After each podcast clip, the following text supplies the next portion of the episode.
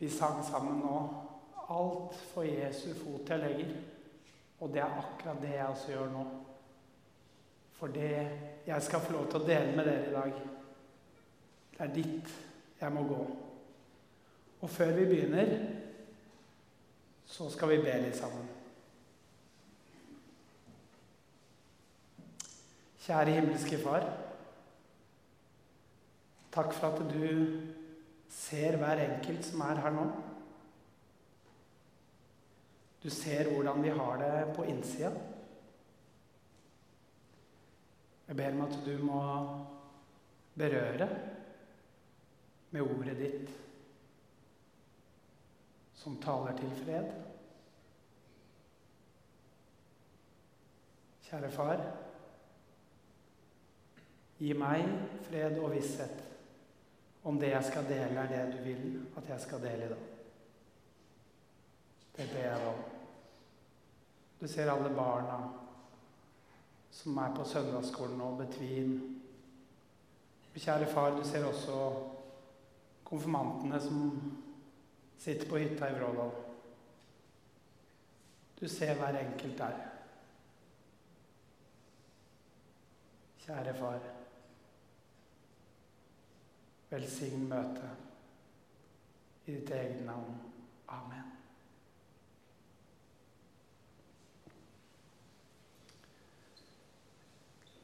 Teksten til i dag den står i Lukas kapittel 7. Fra vers 11 til 17, så vi leser Jesu navn. Og Det handler da om Jesus oppvekker enkel sønn i Nain. Kort tid etter ga Jesus seg på vei til en by som heter Nain. Disiplene og en stor folkemengde dro sammen med ham. Da han nærmet seg byporten, ble en død båret ut til graven. Han var sin mors eneste sønn, og hun var enke. Sammen med henne kom et stort følge fra byen.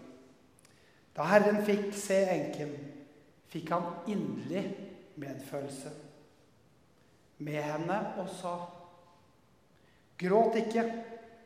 Så gikk han bort og la hånden på båren. De som bar den, stanset, og han sa, 'Du unge mann, jeg sier deg, stå opp.' Da satte den døde seg opp og begynte å tale, og Jesus ga ham til moren.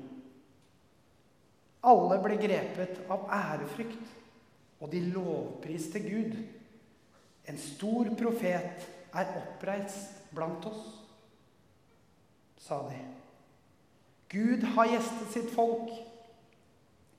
Dette ordet om han spredte seg i hele Judea og området omkring.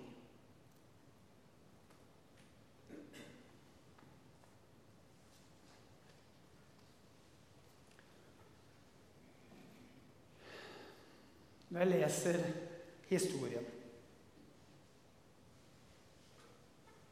så går jeg alltid inn med en tanke om hva vil denne historien fortelle meg og oss her i dag. Det første jeg tenker, det er at det må ha vært en vanvittig smerte for mamma. Hun var enke, og så dør den eneste sønnen hun hadde.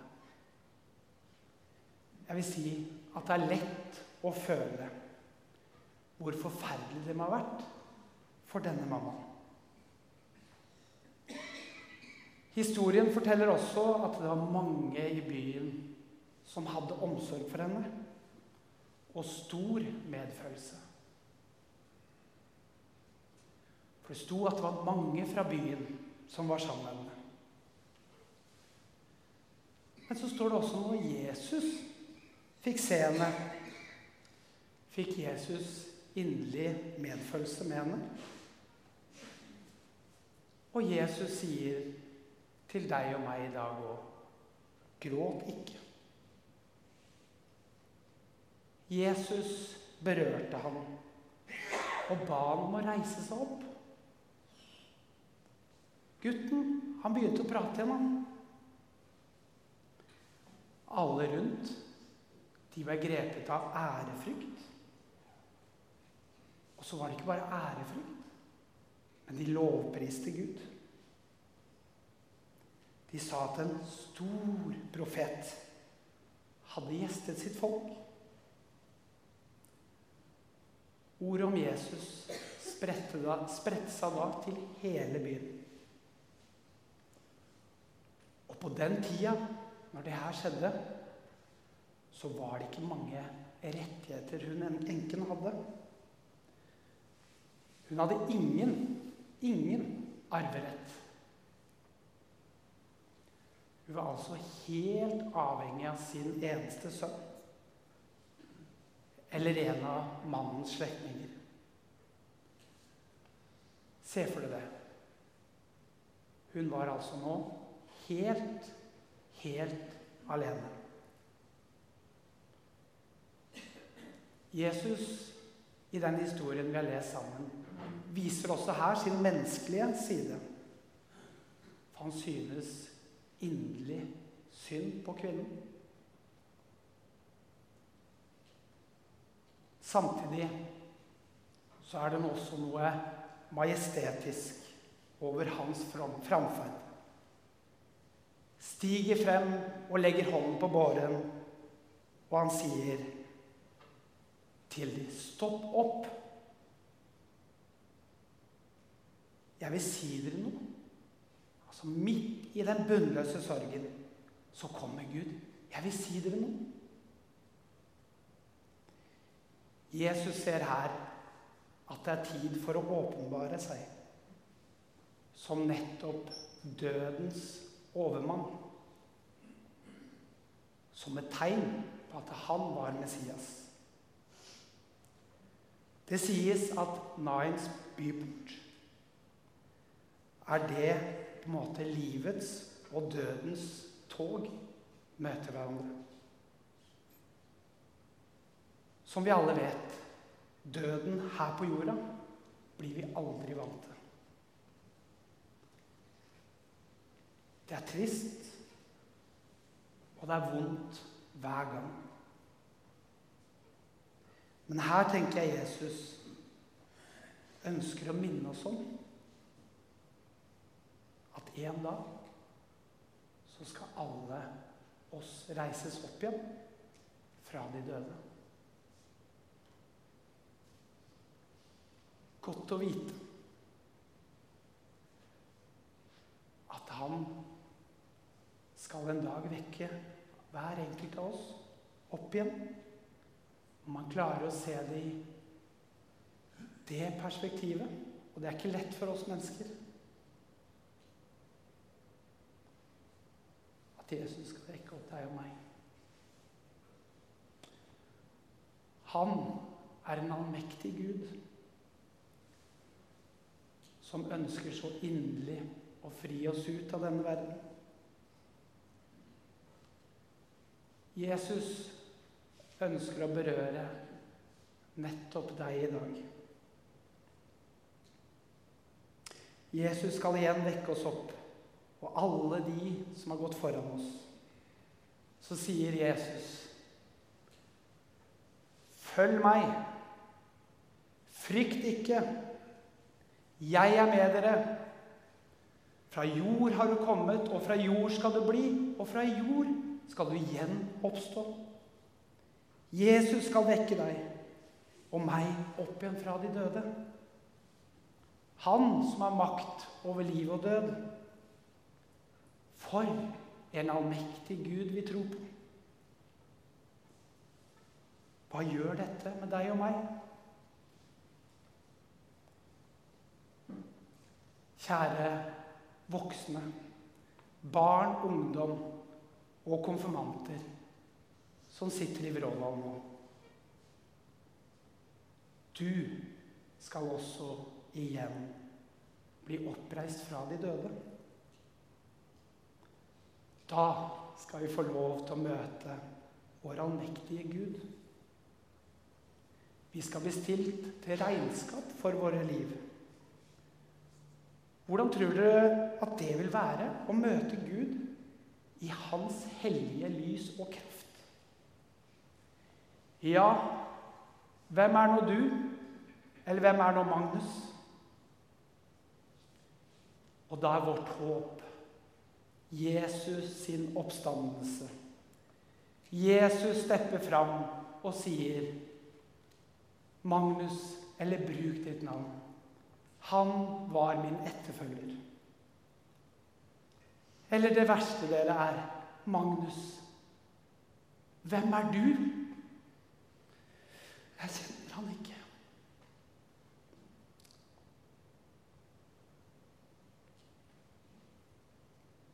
Jesus vil i dag bevitne sin seier over døden. For deg og meg. Han har stått opp fra de døde. For at vi skal få lov til å leve evig. Ja, hva nå med ditt og mitt liv? Og jeg kjenner at på en sånn dag som det her så har jeg lyst til å dele litt om mitt eget liv.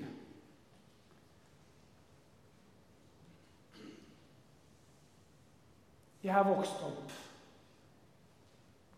i denne menigheten, på borgene, og er ekstremt takknemlig for det. Jeg gikk på en kristen skole. Jeg fikk lære om Jesus hver dag, både hjemme og på skolen. Men allikevel så sklei jeg bort fra Gud. Fordi jeg ble dratt mot det verden hadde å tilby.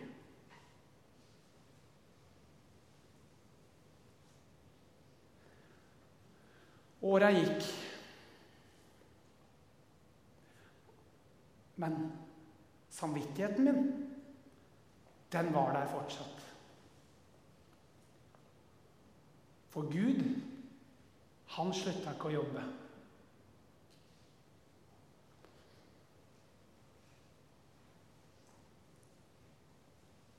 Han ga meg aldri fred. Så til dere unge, konfirmanter og voksne som sliter med det å tro og kjenne fred,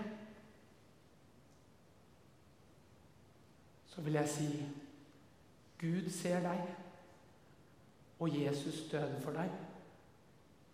For nettopp oss som ikke får det til. Det hadde gått mange år og jeg hadde levd bokstavelig talt livet uten han. Og det som til slutt innhenta meg Jeg husker jeg var, jeg var seks år i Forsvaret og var i Marinen. Og reiste rundt. Plutselig så blei tomheten sterkere og sterkere. Hva er det jeg driver med? Hva er det her for et liv? Hvorfor går lille jeg her nede på jorda, så er jeg i Rotterdam? Hva, hva er meningen med livet? Da møtte Gud meg. Og igjen ga meg håp og lys. Og det her ønsker jeg å dele med dere. Fordi mange av oss har hatt troen med oss hele livet. Men det har ikke alltid vært det som har ligget først allikevel. Eller kanskje det sitter noen her i dag som, som ikke kjenner at de er tatt imot ennå. Men det som er viktig, på tross av nederlag Og vi føler vi misser, og vi føler vi ikke får det til. ja, men det er da Jesus er til for deg. Og så er det viktig å minne om en annen ting. At i Bibelen så finnes det faktisk ingenting med liten skrift som prøver å gjøre det vanskeligst mulig.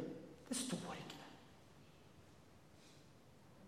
Jesus døde på korset for deg og meg fordi han elska oss så høyt. Da prøver han ikke å lage en bok med liten skrift som ikke vi skjønner noen ting av. Vi må ikke gjøre det så komplisert.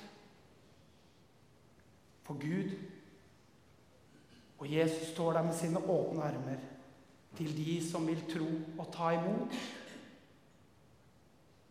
Og kunne få lov til å leve ved korset. Ved hans tilgivelse, hans død og hans oppreisning.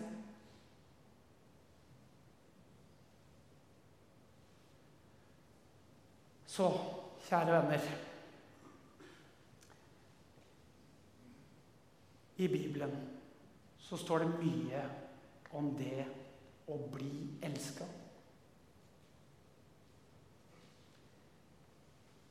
Jeg skal lese fra Efeserne, kapittel 2, vers 4-6.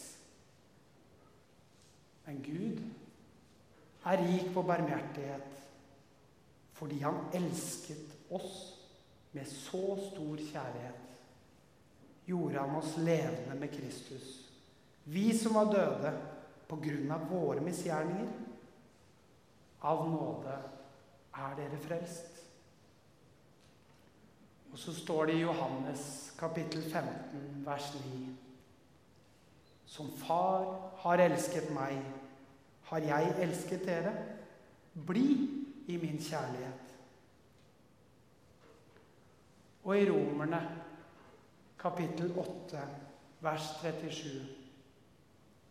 Men i alt dette vinner vi mer enn seier ved Han som elsket oss. Han som elsket oss. For så høyt, som det står i Johannes 3, 16, for så høyt har Gud elsket verden, at han ga sin sønn den enbårne, for at verden ikke skulle fortapes, men ha evig liv. Altså, han sendte sin sønn til verden for at Magnus skulle ha en sjanse. For hvis vi berører våre tanker, ord og gjerninger, ja, da feiler Magnus, altså. Da har jeg ikke sjans til å komme inn. Det er ikke mulighet.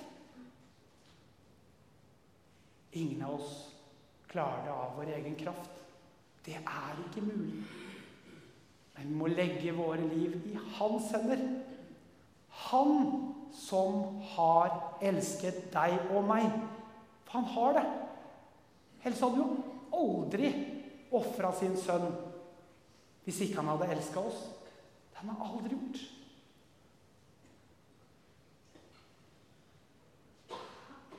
står det i 1. Johannes kapittel 4, vers 10.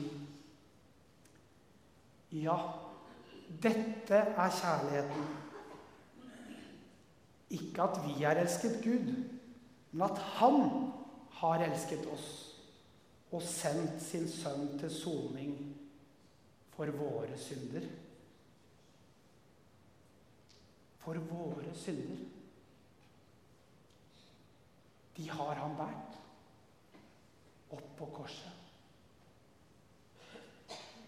Og Det det også blir pekt på i dag, er nettopp hans oppreisning og seier over døden.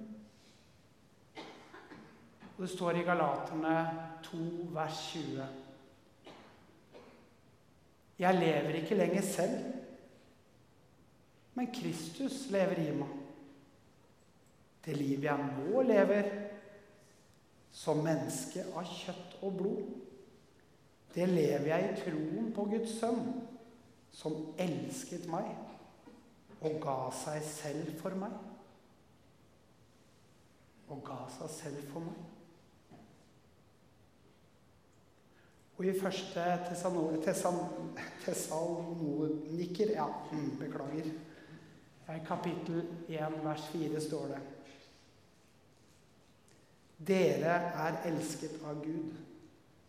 Søsken!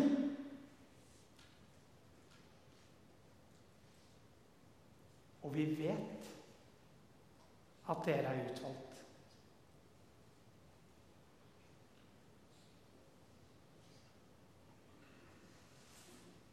Måtte teksten i dag få lov til å minne oss om håpet. Og gleden av å kunne få lov til å tilhøre. Og få lov til å være en del av hans evangelium. Han lover oss oppreisning for alle de som setter Jesus som sjefen i sitt liv. Jesus ønsker å møte deg akkurat der hvor du sitter. Om du er ung eller gammel, så ønsker han å berøre deg. Og så sier han Fred være med deg.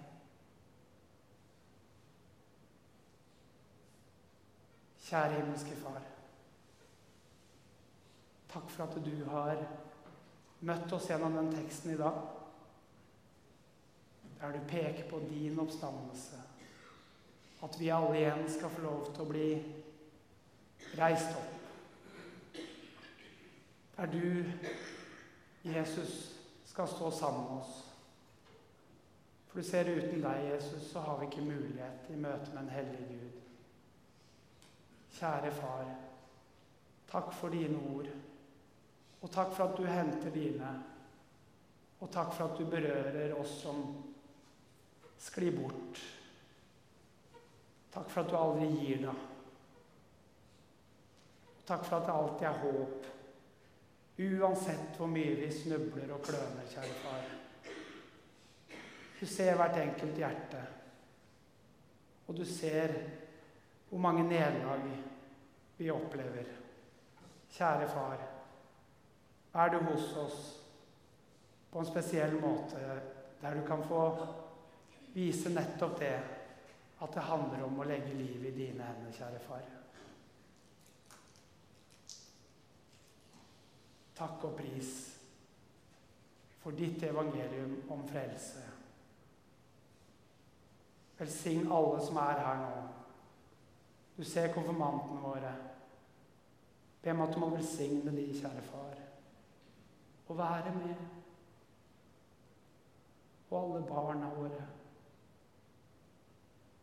alle i familien og alle naboene våre. Kjære far, jeg ber om at du må tenne lyset i oss,